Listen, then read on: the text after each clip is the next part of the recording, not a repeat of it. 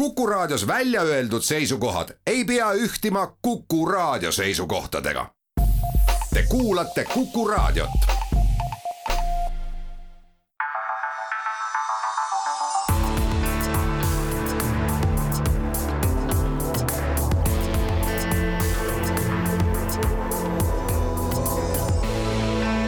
olukorrast ajakirjanduses tere pärastlõunat, Kuku raadio stuudios on kuues juuni kaks tuhat kakskümmend kaks.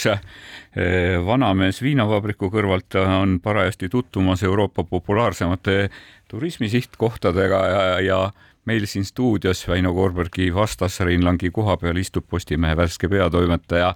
Priit Hõbemägi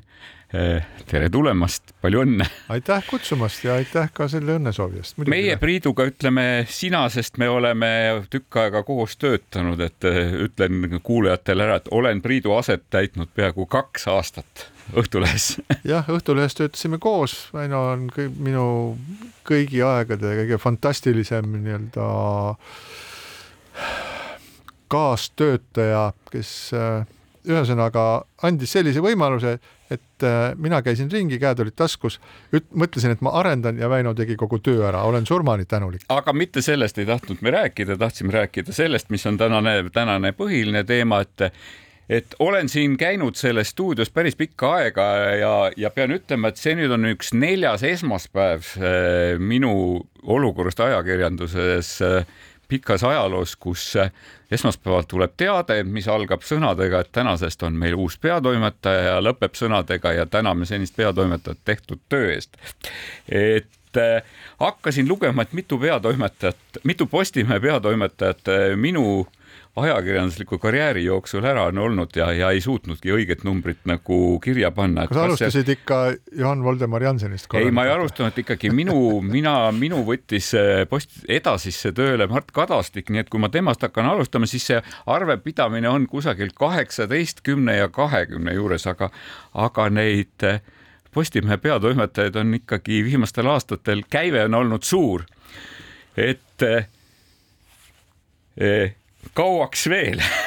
No ma ei tea, minul on, ma pean ausalt ütlema, et mind see eriti ei äh, loksuta, et kes, kes on enne olnud ja mida nad seal on teinud, kõik nad on teinud midagi hästi, see on selge, sellepärast et äh, leht on ju olemas ja lugejaid on palju, vaatajaid on palju, nii et kõik asi, asi toimib, usaldusväärsus ei ole kuskile kadunud, see on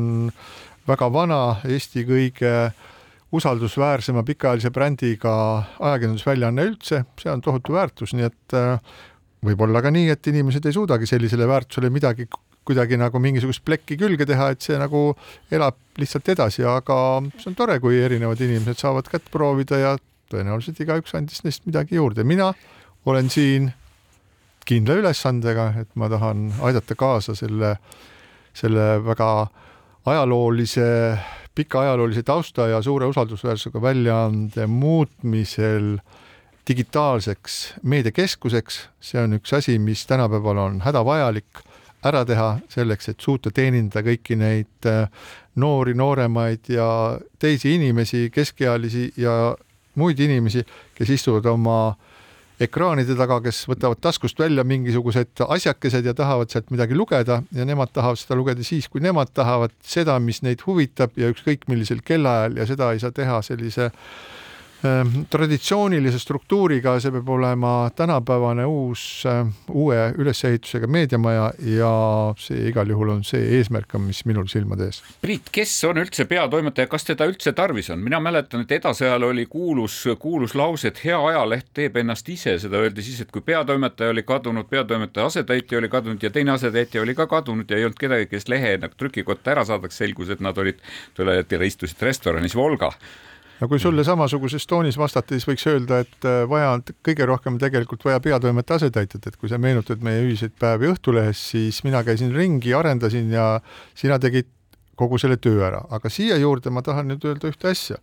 äh, mis käib toimetuste juurde sama hästi, kui toimetused on tõmmatud äh, oma koosseisuga nii pingule, et seal pole enam ühtegi inimest, kes käiks ringi ja mõtleks ja ei istuks kogu aeg masina taga ja klõbistaks klahve, siis see masin jookseb natukese aja pärast kinni. sellepärast, et keegi ei suuda arendada suurt asja, kui ta istub kogu aeg äh, arvuti taga ja midagi loob, et see olukord, kus keegi mõtleb, on hädavajalik ja meedia on selline asi, mis pidevalt äh, areneb, ega Selle... siin pole midagi teha, aga ma tahtsin vastata su küsimusele, eks ole, et kas peatoimetajat on vaja. peatoimetajat on väga vaja, sellepärast et kui peatoimetajat ei ole, õigemini tuleks vastata nii, kui peatoimetaja on, aga peatoimetajal pole oma positsiooni, siis hakkab leht minema, leht või väljaanne minema allavoolu ja keegi täpselt ei tea, millisesse kaldasse ta pärast ninaga kinni sõidab. sa oled kunagi kasutanud kujundit eh, ajalehest kui liivahunnikust? see kujund on selline, mis on minu, ma olen lõppkokkuvõttes olnud peatoimetaja erinevates väljaandetes kokku mingi viisteist aastat näiteks ja nüüd läheb siis edasi, et äh, toimetus, ajalehe toimetus on nagu liivahunnik, kui te kujutate endale ette sellist äh, suurt kollast liivahunnikut, mille siis äh, ise kallutaja kallutab maha laste mänguväljakule ja igal hommikul siis lapsed kühvlite ämbritega tormavad sinna kallale ja hakkavad seal mängima ja õhtuks nad lähevad jälle koju magama ja hommikul tormavad jälle sinna ja need lapsed ei ole mitte lugejad, vaid need on just nimelt ajakirjanikud, kõik nad lähevad sinna ja teevad selles suures liivahunnikus mingisugust oma toredat tööd. Ja sügiseks ei ole enam seda liivahunnikut, vaid on suur kollane ring ja see tähendab seda, et kui toimetus kui peatoimetaja, kui toimetusjuhtkond pidevalt ei tegele sellega, et nad lükkavad seda hunnikut kokku tagasi, et nad üritavad selle väljaande kontseptsiooni, selle väljaande ideed elus hoida ja tuletavad pidevalt meelde, miks me hommikul kokku tuleme ja mida me tahame teha, siis mõne aja pärast kõik muutub rutiiniks, rutiinis teatavasti tekivad sellised nagu otseteed, teravad nurgad kuluvad ära, kõik muutub ümmarguseks, mugavaks, ümmarguseks, mugavaks ja siis asi kaotab nagu sellise mõtte ära, nii et keegi peab olema igal hommikul ei, ei, ei, ei, niimoodi ei, me ei saa. me peame seda tegema niimoodi ja viskama, labida kätte võtma ja viskama seda liiva sinna hunnikusse tagasi, niimoodi saab ajakirjandusväljaanne hoida ja oma kontseptsiooni hoida ja seda säilitada päris mitmed inimesed on jaotanud seal peatoimetajal nagu erinevad rollid jaotanud, et peatoimetaja võib olla nagu ideoloog, peatoimetaja võib olla nagu kubjas, peatoimetaja võib olla nagu see ema, kelle rinnal saab nutta ja pisaraid poetada. Ja ühtepidi räägitakse ka peatoimetajast kui puhvrist, võimalikust puhvrist siis ütleme niimoodi ühiskonna ja väljaande vahel, omaniku ja toimetuse vahel, ka teinekord ka majandusliku juhtkonna ja toimetuse vahel, et, et milline neist sinu arvates kõige olulisem võiks olla? tegelikult on kõik olulised äh, asjad ja nendes võib-olla kõige tähtsam on see, et nagu ma enne ütlesin ka, et peatoimetajal peab olema oma selge positsioon nende asjade osas, mis sünnivad ühiskonnas. ta peab nagu hoidma oma liini ja saama asjadest äh, selgelt aru, ei tohi niimoodi kõikuda. nüüd neid erinevaid peatoimetajaid, kelle rinnal saab nutta ja kes siis on kupjad ja noh, need on ka selline kombinatsioon ja et kubjas rinnal nutetav äh, ideoloogiline juht ja nii edasi ja nii edasi, aga ikkagi see inimene, kes toimetuses on, on mitte ainult äh, sissepoole oluline, vaid ka väga oluline Äh, väljapoole, et ühiskond, tihtipeale me ju teame seda, et meie sellises nagu tähelepanumajanduse keskkonnas on just nimelt nägu ja hääl see, kes mingisugust brändi hoiavad, hoiavad elus, kuna lihtsalt asjad on nii, et inimese nägu on see, mis kõige paremini meelde jääb ja kui see inimene veel midagi räägib. et selles mõttes peab väljaandel, väljaandel minu arusaamist mööda olema selge esindaja, kellel on selged seisukohad ja kes seda väljaannet ühiskonnas esindab väga selliste arusaadavate ja klaaride sõnumitega. sellest, milline peatoimetaja on Priit, räägime pärast väikest pausi.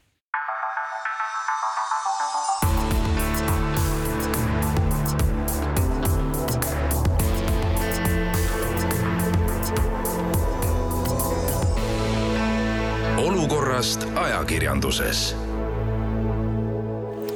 olukorrast ajakirjanduses Aino Koorberg ja minu vastas istub Postimehe värske peatoimetaja Priit Hõbemägi. me räägime sellest, et kes on peatoimetaja, kes on peatoimetaja Postimehes ja milline peatoimetaja on Priit Hõbemägi ja, ja tegelikult äh, tahaks sellest alustada, et sa oled väga selgelt deklareerinud, et kuidas see oli, et sa ütlesid intervjuus, et sa tuled Postimehesse kolmeks aastaks. tavaliselt tulevad ju peatoimetajad selleks, et neid siia nagu jalad ees ära viidaksid ja nad kunagi ei arvesta sellega, et, et, et see töö võib otsa saada no,. mille, millest see kolm aastat? no see ongi viga, et äh, ega siis peatoimetaja elukoht eh, või peatoimetaja töökoht ei ole midagi taolist, mis peaks millegipärast nagu lõputult keskma, et ke, kestma, et see iseenesest on nagu elu on näidanud nagu kahesuguseid valikuid, et noh, nagu näiteks, et on üks mingisugune väga selge kontseptsiooniga väljaanne, mis, mis on selline, nagu ta on ja siis äh, seal on peatoimetaja, kes vastab selle kontseptsiooni nõudmistele ja siis võib, ta võib rahulikult seal kümme või viisteist aastat seal olla ja, ja tööd teha ja see kõik on, see kõik on väga hea. siis on äh, teistsugused väljaanded, millel on selline surve pidevalt siis vastata ühiskonna poolt äh, esitatud nõudmistele ja sellistes väljaannetes tihtipeale äh, Äh, vahetuvadki peatoimetajad kiiremini mitmesugustel põhjustel, ühed lähevad ise minema, teised tunnevad, et ei jaksa, kolmandate puhul tekib mingisugune ebakõla siis äh, toimetuses, äh, sa enne märkisid siin seda, et et peatoimetaja on ka üks inimene, kes on siis toimetuse ja juhatuse ja omanike vahel, et kahtlemata ta, seda on, inimeste nii-öelda selline taluvuse aste on ka väga erinev, aga mis ma siis ütlen, et kolm aastat tundus mulle selline optimaalne aeg nende sellise digitaalse pöörde ärategemiseks, et arvestades seda, et tänapäeval on internet niivõrd kasulik asi, et igasuguseid häid mõtteid, kuidas keegi kuskil midagi on teinud, need on olemas, on olemas, võib kohe järgmine päev neid asju ellu viia, siis on olemas suured rahvusvahelised organisatsioonid, kust on võimalik saada väga head oskusteavet et äh, ma võtaksin selle kokku, selle nagu iseenda suhtumise Postimehe puhul, mida ma olen nagu mõelnud ja enda jaoks sõnastanud. et kui teha õigeid asju hästi ja kiiresti, siis ei ole võimalik valesti asja teha. ehk et tuleb peale hakata, tuleb teha ja mitte jokutada selle kõige asjaga, loomulikult igasuguse tegemise juures tek tekib mingisuguseid probleeme ja, ja kõik asjad ei lähe nii, aga tuleb äh, minna ja hakata neid asju tegema ja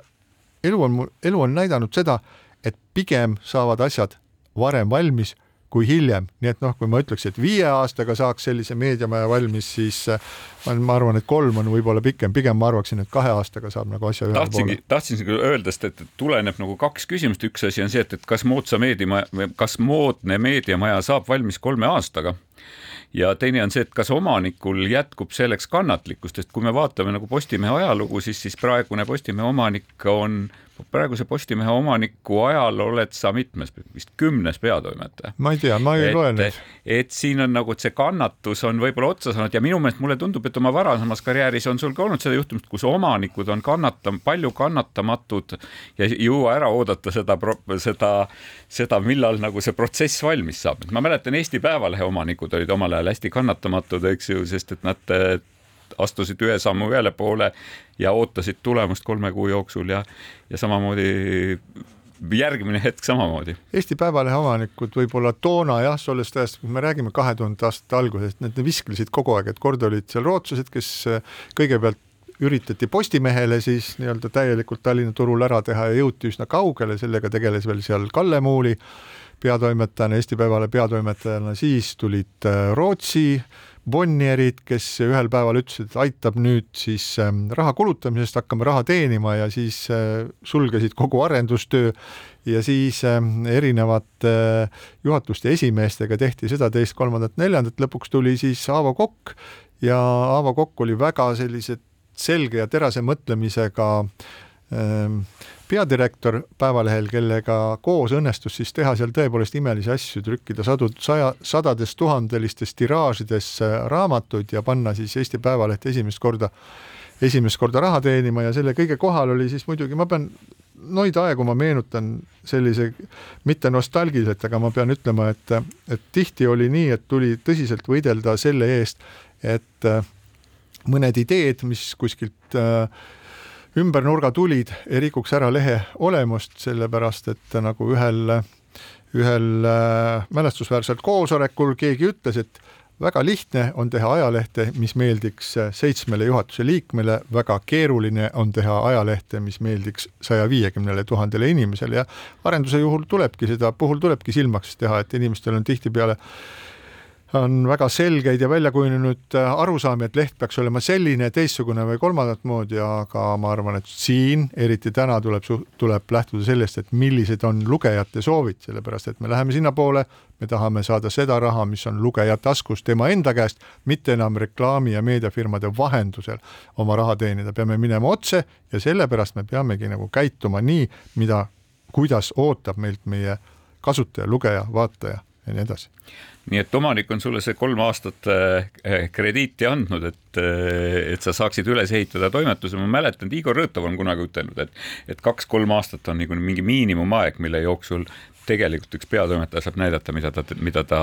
milleks ta on suuteline. ütleme ausalt, keegi ei ole mulle mingit krediiti andnud, ma ise, ma ise, ise ma selle? ise pakkusin välja selle, ei, ma ei saa ka krediiti võtta, et see on kõik omanike ja peatoimetaja vahel on, kõik on usalduse ja koostöö küsimus, see nagu meie oleme omanikuga rääkinud nendest asjadest, et me oleme, nagu tänapäeval öeldakse, ühel leheküljel nii lehe arendamise kui siis äh, äh, Postimehe positsiooni ja tema hääle ja esindatuse osas ühiskonnas, et äh, sellisest stardipunktist on väga hea minna, et kuna mul on kogemus sellise meediamaja tegemisega olemas, et ma aastatel kaks tuhat kümme, kaks tuhat üksteist siis disainisin ja tegin valmis praeguse Ekspress Grupi ühendtoimetuse, mis oli tol hetkel, oli kõige moodsam ühendtoimetus Eestis ja tegelesin sellega, kuni siis äh, asjad tõsteti ühest majast teise ja pärast seda ma sellest äh, grupist nii-öelda niimoodi arendustöölt lahkusin, siis ma tean väga hästi, olles ka veel hiljuti selles samas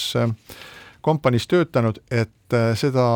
ühendtoimetust ei ole edasi arendatud, et ta on sisuliselt jäänud selliseks, nagu ta kahe tuhande üheteistkümnendal aastal oli, et seal on kogunenud väga palju liiva sellesse masinavärki, et seal on tek-, uuesti tekkinud sellised silod, mis tähendab seda, et on erinevad äh, väljaanded, kes omavahel ei suhtle, kes horisontaalset koostööd ei tee, on äh, äh, tekkinud sellised eelistused ja lemmikud ja see kahtlemata ei aita kaasa sellele, et olla väga edukas ja suur, et kümne aastaga on meediatööstuses tohutult palju muutunud, on tulnud uued ja moodsamad lähe-, lähenemised, nii et nüüd on suurepärane võimalus, arvestades kõiki neid ressursse, mis Postimehel on,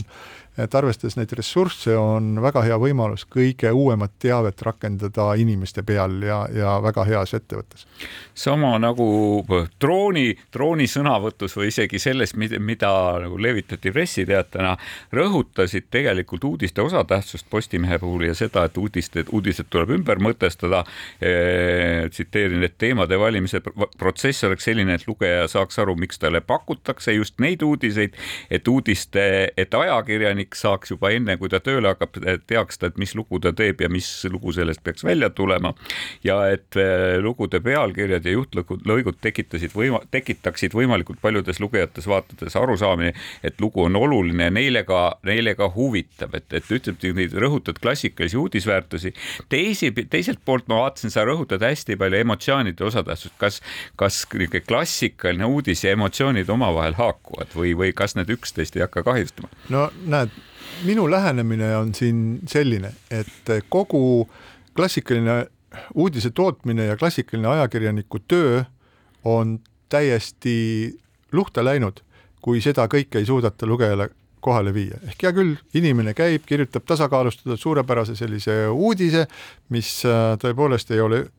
või mitte ei ole, vaid võiks öelda, on siitpoolt ja sealtpoolt ja, ja ühelt poolt aeda ja teiselt poolt aeda.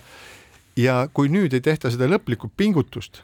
mis mõtleks otseselt sellele, et kuidas nüüd kogu see kupatus viia lugejani nii, et ta selle võtaks siis äh, kuulda, ta vaataks või loeks seda, siis jääbki see töö sinna paika. ma olen nagu oma eelnevates eludes väga palju ajakirjanikele rääkinud seda, et, et kujutage ette, et te hakkate tegema mingisugust lugu, sõidate välja, siis hommikul sõidate välja, intervjueerite viite inimest, siis ähm, lähete toimetusse, analüüsite, loete veel mingisuguseid lisamaterjale ja kui te nüüd lõpuni ei võitle oma loo eest, kuni selleni, et kuidas see välja näeb, milline pilt seal on, milline pealkiri see on, vaid jätate selle laua peale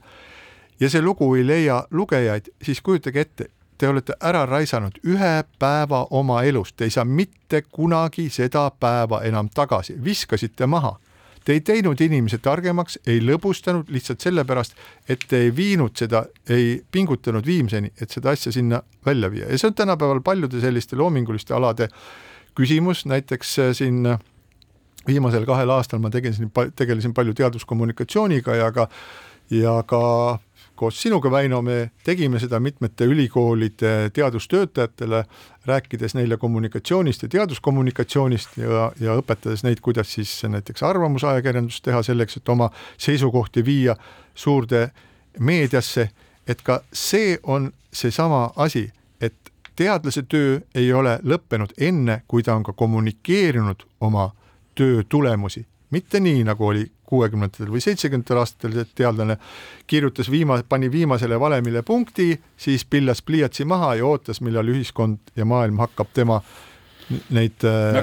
asju, asju hindama ja austama ja annab talle Nobeli preemia. ei, tänapäeval tuleb ise kõigile seletada, ma tegin seda, ma mõtlesin selle välja, see on fantastiline. Priit, aga siiski, kas, mida sa ütleksid nendele inimestele, kes ütlevad, et, et, et emotsioonidele rõhumine on ikkagi niimoodi klikkide ja ja, ja kollase ajakirjanduse maailmast ja, ja et Postimees peaks olema pisut teistsugune, kuna Postimees kehastab ühtepidi eh, professionaalset tasakaalustatust, eks ju, teisipidi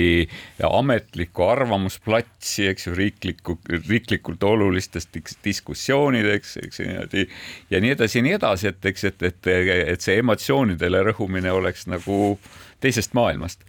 vaata emotsioon ju ja küllap sa seda tead ju väga hästi ise ka, et emotsioon on nagu praktiliselt ainuke asi, mis võimaldab mingisuguse teate tänapäeval kohale viia. et palju muud jäänud ei ole, sellepärast et millega siis väljaanne võistleb, võistleb Netflixiga, võistleb äh, lapsega, kes on köögis, äh, võistleb, ma ei tea, lolliks läinud äh, konditsioneeriga, mis laes undab, võistleb telefoniga, absoluutselt kõigega. Ja see, et sellest nagu läbi pääseda sellest nagu müra või sellest meedia ja, ja informatsiooni seinast, tuleb kõigepealt pöörata, endale tõmmata tähelepanu. Ja, ja nüüd võib-olla see sõna emotsioon on mõnevõrra valesti mõistetud selles mõttes, et see ei tähenda, et see ei tähenda pealkirja oh miks, jumal, miks see ei tähenda seda. see tähenda... on minu kuulus pealkiri aastast tuhat üheksasada üheksakümmend neli, kui Estonia uppus. jah see tähendab seda, et kui me millestki kirjutame, et inimene saab ka emotsionaalselt aru, et miks need asjad on talle olulised, miks need on olulised, et võib-olla see, võib-olla see tekitab kaastunnet, võib-olla see tekitab soovi kaasa lüüa, võib-olla see tekitab soovi teada saada selleks, et olla paremini informeeritud ja selle kaudu teha ka paremini informeeritud otsused, et, et äh, tõepoolest see emotsionaalsus on tänapäeval oluline, need ajakirjanduses on ju tegelikult neid erinevaid äh, kontseptsioone olnud läbi väga paljude aegadega, ma mäletan isegi äh, võib-olla päris tükk aega tagasi, kui äh, ajaleht ehk inglise keeles newspaper oli midagi sellist tohutult tõsist ja väärikat, mida ta võib-olla tänapäeval sellises äh, aspektis võib-olla enam ei ole ja siis tuli, tuli Mart Kadastik, kes oli lugenud mingisuguseid uuemaid käsitlusi ja ütles, et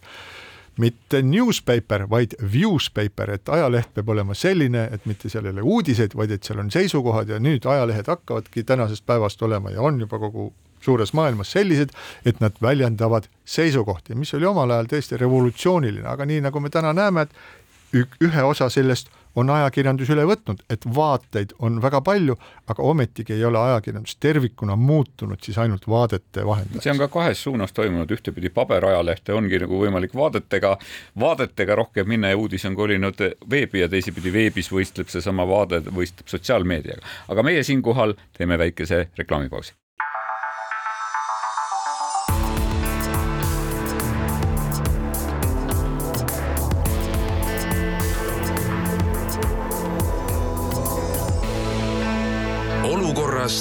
Ajakirjanduses. olukorrast ajakirjanduses stuudios Väino Koorbergi vastas istub Postimehe esimest päeva peatoimetaja Priit Hõbemägi. me räägime, me oleme rääkinud natukene uudisest, oleme rääkinud sellest, mida kavatseb Priit ette võtta Postimehe toimetuses äh, selle äh, välja kuulutatud kolme aasta jooksul, mille jooksul tuleks äh, luua kõige moodsam multimeediatoimetus. aga ma tahaks, et sa vaataksid natuke üldisemalt ka Eesti ajakirjandusele, et eh, olen püstitanud küsimuse saate teiseks pooleks võib-olla, et ühtepidi, et kas Eesti ajakirjandus on sõltumatu, kas Eesti ajakirjanik on sõltumatu ja kas Postimees on sõltumatu, et kui me arutaksime selle järel, sest peatoimetaja on ka üks selliseid institutsioone, kes võitleb, kes seisab toimetuse sõltumatuse eest, eks. millised suure, milliseid suuri probleeme sina selles näed? no kõigepealt peaks al al alustama sellest, et seda sõna sõltumatust me oleme ju näinud aegade jooksul, sisustatakse väga erinevat moodi et üks mõistab sõltuma, sõltumatuse all ühte, teine mõistab sõltumatuse all teist. no piiritööta reporterid ütlevad, et pressivabaduse edetabelis oleme me neljandal kohal ja Venemaa on saja viiekümne üheksandal kohal ja see on nagu näitame, et me erineme väga selgelt Venemaast. ei, see, see on selge jah, et me Venemaast äh, erineme jah, samas ka, eks ole, needsamad need sõltumatud reporterid ju, neil on nagu terve hulk, kui äh, terve hulk erinevaid mõõdikuid, millega nad siis mõõdavad, eks ole, siis seda sõltumatust, et kas muuhulgas vist oli seal ka vist isegi see, et kas on olnud äh, seadusandluses mingisuguseid selliseid äh, aspekte aasta jooksul ilmunud, mis ajakirjandust kuidagi seal piiravad või kas on olnud mingisuguseid kohtuprotsesse ajakirjanike vastu? kas, kas Vahterid ja Veedlerid on saanud kohtust trahvi parajasti Just... või kas ajakirjanikel on keelatud Tallinna Absoluut... Sadama kohtuprotsessist kirjutada? absoluutselt ja, ja, ja need kõik mõjutavad seda, no üldiselt selliseid edetabeleid väga minu meelest ei maksaks võtta, on tore, kui me oleme seal eesotsas, aga need ei maksaks nüüd täitsa hulluks ja maksaks selle pärast minna, sellepärast et võib-olla noh, ütleme nii, et mõne sellise natukene hullu paneva erakonna üks mingisugune ettevõtmine võib kukutada meid sealt neljandalt koha pealt ma ei tea, neljateistkümnenda koha peale nagu niuhti, sellepärast et kogu selles äh, tabelis mingisugune punktide arv muutub, aga sõltum-, sõltumatuse osas ma arvan, et Eesti ajakirjandus on on äh, sõltumatusega on Eesti ajakirjandusel ka hästi, et Eesti ajakirjandus on sõltumatu, seda võib. on ta ikka võitluslikult sõltuv, sõltumatu, sellepärast et mulle vahepeal tundub see, et, et ta võib olla ka nagu mugavusest sõlt-, sõltumatu, et ta tegelikult, kas ei, kas ei või olla nii, et Eesti ajakirjandus väga sageli väldib niisuguseid keerulisi teemasid või väldib keerulisi no, valdkondi ja pigem lähe... teeb näo, et kõik on okei. Okay.. aga lähemegi nagu konkreetsemaks, et küsisin nagu otse, et see lihtsalt see küsimus, et kas on sõltumatu või mitte mittesõltumatu, et, et me ei jõua selle aruteluga siin kuskile väga kaugemale, et pane siis nüüd oma, tõmba tuurid peale, mida sa tegelikult küsida tahad tu,. tuure ei ole, aga lihtsalt, et mul on tunnetus, mul on tunnetus, et väga sageli, et Eesti ajakirjandus on tegelikult pehmelt mugav et ongi pehmelt mugav, et väga sageli väldib kriitilisi teemasid. Ja siis me tuleme selleni, et võib-olla on mingid väljaanded, kes väldivad mingisuguseid teemasid ja, ja siis on ajakirjanikud, kes väldivad mingisuguseid teemasid, et vastupidi, et nad, et nad ka nagu promovad teistsuguseid teemasid, ma lihtsalt küsin sinu tunnetust. no ma ei tea, minul sellist tunnetust ausalt öeldes ei ole, et nagu välditakse, muidugi iga väljaanne võib ma, ma arvan, et väljaanded peavad valima endale mingisuguse fookuse et mille eest nad parajasti väljas on, noh, ütleme sellist äh, äh, noh, lihtsamalt väljendades, eks, kelle eest on väljas näiteks ajaleht Äripäev, et noh, paistab, et ettevõtjate eest seejuures ei julge või seejuures ei häbene nad ka välja öelda oma seisukohta poliitiliste valikute tegemise puhul, eks ole, aga kahtlust pole, see, nad seisavad ettevõtjate eest, noh, võtame siis näiteks äh, Õhtulehe, et Õhtulehe puhul noh, on võimalik selline kahene äh, või dualistlik lähenemine, üks on see, et Õhtuleht seisab väikese inimese eest ja et ta, ta on alati selle underdogi poolel, kui siis väiksele inimesele midagi äh, liiga tehakse, siis hakkab äh, Õhtuleht kohe häält tegema, et mitte öelda kiunama. Ja loomulikult on ju arusaadav ka see, et siis, et võimendada oma sõnumit, selleks tuleb seda, eks ole, teha kõvema häälega, värvida punaseks, panna suurem pilt, suurem pealkiri või midagi taolist et äh, siis jääb mulje jälle, kui sa seda väljaannet loed, et, et noh, et äh, kõik ongi täitsa nagu pekkis, et, et kogu aeg on üks häda ja viletsus ja nii edasi. häda ja viletsust päris ei ole, aga Õhtuleht on väga tublisti tegelikult vaadanud ka võimule otsa, näiteks niimoodi viimatine Bonnieri preemia, eks ju. me näeme, et siin endine haridusminister käib kohvimasina ja kohvimasina ja mikrobussi pärast ikka jätkuvalt kohut, eks niimoodi. et äh, on vaadanud ravimikaubandust, on vaadanud kütuseäri, eks ju, seal täitsa tublisti. täitsa õige aga nüüd ma arvan, et siin tuleb nagu väga selgelt äh, silmas pidada seda, et see, seda kõike ei ole teinud mitte nii-öelda äh, Õhtuleht kui mingisugune, no mingisugune bränd, seda on teinud minu meelest peatoimetaja, kes on juhtinud seda väljaannet neid asju tegema. Ja istunud järjekindlalt kukil, nüüd teeme, nüüd teeme, sellepärast sa, sa ütled õigesti seda, et äh, ajakirjanikud võivad muutuda mugavaks, nad võivad sattuda oma mugavustsooni äh,, teha mingisugused noh, Tont seda teab mingisuguse ühe allikaga intervjuu, panna selle üle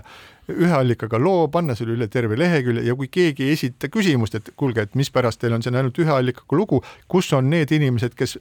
need seisukohad asetavad nii-öelda küsimuse alla ja siis ongi nagu üks päev rahulikult möödas, et keegi peab olema, kes kogu aeg torgib taga, et ütleb ei, ei, ei, oot-oot-oot, aga kes veel seda asja teab, kes nüüd, minge nüüd tegelege sellega, teisega, kolmanda ja neljandaga, neljanda asjaga. nii et siin minu meelest nagu peatoimetaja roll nagu kerkib väga oluliselt ja, ja tema lähemate kaastöötajate roll, kes ei tohi lasta nii-öelda seda hoiakut lõdvaks minna, vaid peavad seda hoidma pidevalt pingul selleks, et see väljaanne suudaks ühiskonda teenindada, et ta suudaks äh, leida sealt neid inimesi, kes ähm, nii-öelda ühiskonna siis kulul elades või, või siis ametnikena elades venitavad ise ka kummi ja loodavad, et lähevad õhtul selle rahulikult koju, palk on teenitud, aga töö on tegemata jäänud. Priit, kas sinul on ka selline teema, mida sa nüüd nagu eh, mille järgi võib siis öelda, et lähimal ajal toimetus peab valmis olema, et Priit istub neile selga ja ei lase neil, ei lase neil lõdvaks lasta, enne kui see teema saab kajastatud? mina oma, mina praegu sellist taskust seda teemat ei hakka siit välja võtma, aga ma tean, et Postimehel on üks täielikult unikaalne teema ja see on metsandus. ja pean ütlema seda, et see töö, mida Ülle Harju teeb metsanduse alal, et see on, see on Eestis praegu kvaliteedilt kõige parem uuriv ajakirjandus, see on täiesti fantastiline. ja see, et Postimees on sellega tegelenud nüüd pikalt ja pidevalt ja see ainevaldkond on nii põhjalikult läbi töötatud ja et see on saanud sellise selliseks nagu autoriteedi, üheks Postimehe autoriteedi osaks. Ja ma arvan, et see Postimehe tegevus metsanduse alal, just nimelt metsat-, metsanduse RMK lageraiete kritiseerimisel, teaduslike andmete põhjal, mitte lihtsalt niisama, et keegi midagi teeb, vaid saades kätte reaalset informatsiooni ja seda pidevalt nõudes, et see muudab vähehaaval siis äh, ühiskonda paremaks, et äh, kodanikud äh, mõistavad paremini metsanduse rolli Eestis ja noh, ma olen väga kaugel sellest, et siin ära unustada seda, et väga paljudel inimestel erametsandus on nende elatise allikas, aga antud juhul me räägime siiski sellest, et kuidas hoida seda metsatagavara, mis meil on ja viimased värsked andmed, mis meil olid möödunud nädala lõpust, olidki need, et ka statistiline metsainventuur näitab, et Eesti metsatagavara on suures ja tugevas languses, numbrid ära toomata, aga see on fakt ja kui väljaanne tegeleb ühe sellise teemaga, see on juba väga-väga suur asi. mida saab peatoimetaja teha sellisel juhul, kui nagu teinekord äh, võib juhtuda seda, et, et ajakirjanikust, kui ta ühe teemaga hästi sügavalt tegeleb võib saada missionär ehk et ta haarab ise lipu kätte, eks ju, tähendab ja tõuseb barrikaadidele, et, et kas peatoimetajal on võimalik kuidagi sellisel juhul midagi ette võtta. sest et noh, väga sageli me näeme just, et ma just südamevärinal vaatan ka seda metsandusteemat, et see ei läheks nagu üle selle ääre, et, et kus ajakirjaniku ja, ja sellise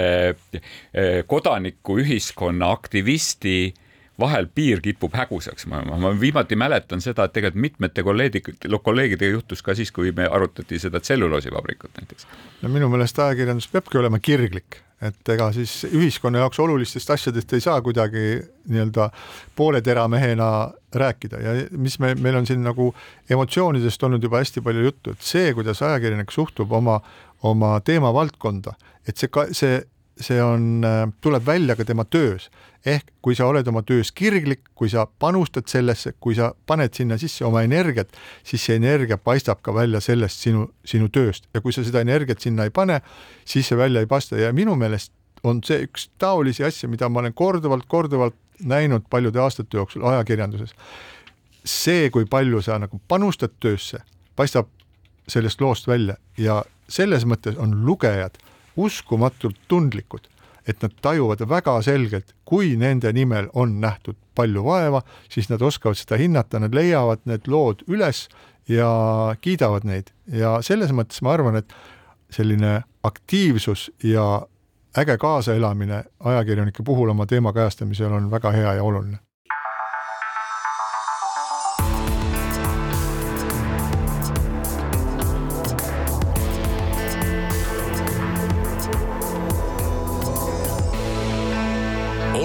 Olukorrast ajakirjanduses olukorrast ajakirjanduses viimane veerand, Veino Koorberg ja minu vastas Postimehe värske peatoimetaja Priit Hõbemägi.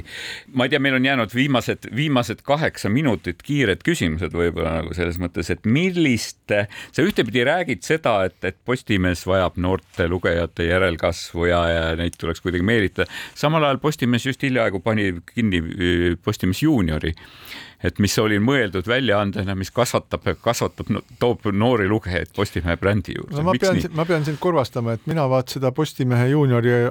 alustamist, kui ta tuli, et siis vaatasin lihtsalt inimesena kõrvalt, kellel polnud Postimehega üldse mitte mingit pistmist peale siis paberlehe tellimise ja esimene asi, mis ma ütlesin, et me nägime selle väljaande sündi, me näeme ka selle äh, lõppu, sellepärast et eh, nii palju, kui iganes on olnud eh, Eestis kõikvõimalike suurte päevalehtede lastelisasid, kõigil neil on oma lõpp ja nad on oma algus ja väga lihtsal põhjusel, sellepärast et kui toode on kallis, nagu ta see antud toode oli ja see oli vist veel mingi litsentsitoode ka,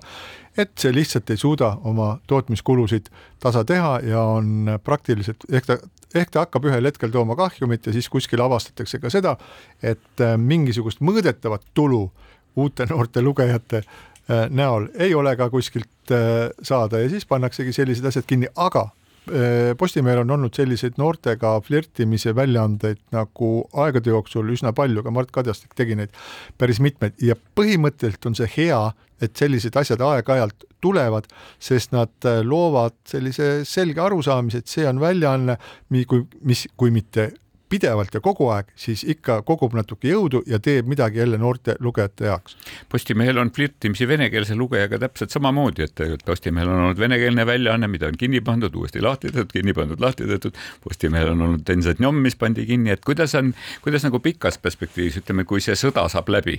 tahaks öelda nagu see kuulus Ukraina laul, eks ju, et, et kui sõda lõpeb, eks ju, et kas, kas siis venekeelne Postimees praegu ka jälle värskelt loodud nädalaleht, kas see jääb ilma? Ja no see värskelt loodud nädalaleht, eh, mida mul oli siis ka õnn nii-öelda selle kontseptsiooni koostada, et eh, see on eh, samuti projekt, mis tähendab seda, et see on siis Eesti Vabariigi poolt toetatav ja siis finantseeritav väljaanne Eesti venekeelsete elanike ja miks mitte ka siis siin olevate Ukraina põgenike informeerimiseks sellest, mis Eestis päriselt toimub ta on minu meelest Eesti kõige ähm, kõige teaduslikumal põhjal kokku pandud väljaanne üldse, sellepärast et kuna nullist alustades oli mul suurepärane võimalus siis äh, sõita Tartusse ja vestelda siis äh, professor Triin Vihalemma ja Marju Lauristiniga, Triin Vihalemm on aastakümneid uurinud just nimelt venekeelsete lugejate käitumist, modelleerinud neid gruppe ja tänu siis teadlaste väga omakasu püüdmatule abile oli võimalik nii-öelda modelleerida need rühmad, kellele see leht on suunatud, see nädalaleht, ja milline sisu ja kuidas koostatud sisu peaks seal olema ja, ja selle nädalalehe peatoimetaja Sergei Metlev on seda asja suurepäraselt ka läbi viinud ja kontseptsiooni hoidnud, kuigi see ei olnud tal alguses päris kerge. Ja see on selline, see on projekt ja ta lõpeb siis, see finantseerimine lõpeb ära tõenäoliselt kuskil sügisel, aga ma ütleksin praegu kõhutunde pealt, et see paistab olevat selline projekt, millel on väga-väga suur nii-öelda potentsiaal saada jätkuvalt finantseeritud projektiks, ehk et äh, mulle tundub, et seda tehakse praegu hästi, seda tehakse õigetele inimestele ja seda on ka Eesti Vabariigil mõtet jätkata kindlasti. et sinu sõnavõtust, eh, mis rääkis paberajakirjanduse tulevikust ja sellest, et viis tuhat kuni seitse tuhat võiks olla see miinimum, miinimumkogus tellijaid, mis võimaldaks väljaannet normaalselt välja anda. ma arvan, et selle lause peale Eesti enamik eh, kohalikke ajalehti, maakonna ajakirjandust, eks ju, niimoodi tõmbus näost valgeks ja kukkus laua alla yeah.. et kas see pilt on nii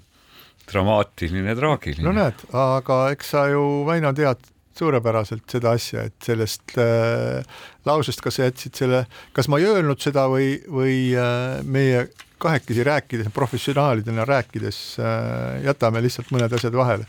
et äh, see ei käi kohalike väljaannete kohta sellepärast, et äh, see käib üleriiklike väljaannete et kohta. et põhimõtteliselt Postimees kannataks veel ära viis tuhat kuni seitse tuhat viissada. kas sa meile ütled otse-eetris ka, palju on Postimehe tiraaž? ei ütle aga milles, milles see, milleks, milleks see suur sala, salatsemine, sellepärast et üks, üks probleem, mis alati viimati on, mis on olnud viimastel aastatel väga tugevalt, on olnud see, et, et Meedialiidus tekitas väga palju pingeid see, kui Postimees ühel hetkel teatas, et nemad ei avalda tiraažinumbreid, et nemad ei avalda oma digitellimiste numbreid, kõik teised ütlevad seda, et kas. ja vaat, aga mul on sulle vastus olemas, esiteks äh, siin on tõe-, see paistab nii, et see vastuolu on tekkinud siis erinevatest seisukohtadest, osad, pooled seisukohad on siis eh, Postimehe grupil ja teised seisukohad on siis Meedialiidul. mina seda olukorda ei ole tekitanud, ma ei ole sellesse jõudnud üldse süveneda selle ühe päevaga ausalt, aga nii nagu äh,, nagu minu kogemused on näidanud, et eh, erinevatel seisukohtadel on ka pika aja jooksul selline tendents teineteisele läheneda ja ei, me ei saa ju kuidagi välistada seda, et leitakse ka selline nagu hea kokkulepe, mis mõlemat pooli suudab rahuldada. sest ta ütles, et mind kui mind kui selle saate tegijat väga kurvastas see, et, et me enam ei tea, et kui hästi, kui hästi Postimehel läheb ja nii digitaalses maailmas kui ka, kui ka pabermaailmas ja tegelikult oleks oluline teada. ja noh, teine asi, teine asi, mis mul alati hinge peal on ja mida ma räägin kõigile Postimehe inimestele, on ikkagi see, et, et see, see kahe maailma ehitamine näiteks ajakirjanduse hindamisel ehk et see ajakirjanduspreemiate küsimus, kus äh, Meedialiit korraldab ühe ajakirjandusauhinna konkursi ja Postimehe ajakirjanikud vaatavad üksteisele otsa maja sees ja korraldavad omaenda konkursi, et kas ka see võiks kuidagi nagu, kas ka see pinge võiks kuidagi laht-, lahkuda, lahtuda? no seda, seda me saame näha näha, no ma peaks ikka täielik turaks olema, kui ma ei oleks nagu ette aimanud taolisi asju hakanud minu käest küsima, eks ole. kolme, kolme, kolme-nelja sellist või kahte-kolme sellist kriitilist asja, aga ma ütlen siin täpselt samamoodi, et see olukord on samuti tekkinud enne mind, et ühepäevase peatoimetajaks oleku ajal pole ma jõudnud selle probleemi juurtesse süveneda, küll aga ma saan aru seda, et Postimees kulutab täiesti tähelepanuväärset ressurssi oma töötajate oma töötajate töö hindamisele, nende autasustamisele austamisele, et eh, kui on valitud selline tee praegu, et noh, las ta siis olla, et miks mitte. Eh, nagu jällegi, et eh, me ei tea seda, mis on kahe-kolme-nelja aasta pärast kõik olukorrad muutuvad, võib-olla muutub ka see olukord, ma ei tea, aga noh, antud juhul ma, mul ei ole midagi rohkemat öelda, üks, ükskõik, kuidas sa mind ka siin ei grilliks, aga rohkem ma ei oska sulle ei ole grillimisega väga veel al algust teinud, eks ühtepidi, ühtepidi võikski Priitu grillida, aga ma saan aru, et ta ongi, istub kuumal toolil, ma ei tea, kas ta sellest, kas ka Kuku raadiost siin välja saab, võib-olla ta saab tänase eetripäeva jooksul veel, veel sõna, aga aga mida me oskame sulle siis öelda, et soovida sedasamust, et, et, kuidas see oli, et peatoimetaja, see ei ole mitte nagu kindral sõjaväes, vaid see on pigem nagu tsirkuse direktor. et tuletan sulle meelde, et, et sa ei saa mitte artistile, trapetsiartistile ütelda, kuidas ta saaks paremini oma numbrit sooritada ja sa ei saa midagi teha, kui ratsani kobuse seljast maha kukub, eks ju. sa saad nendega ainult esinemise kokku leppida, nii et noh, tulgu siis esimesel päevale ka järgi teised, kolmandad, neljandad, viiendad ja kuuendad. ja me mõtlesime, et millise looga me tervitaksime seda äh, värsket, värsket staažikat peatoimetajat ja loomulikult Toivo Nikopensius on vist see õige inimene, kes laulab meile jälle algab kõik. kohtumiseni nädala pärast.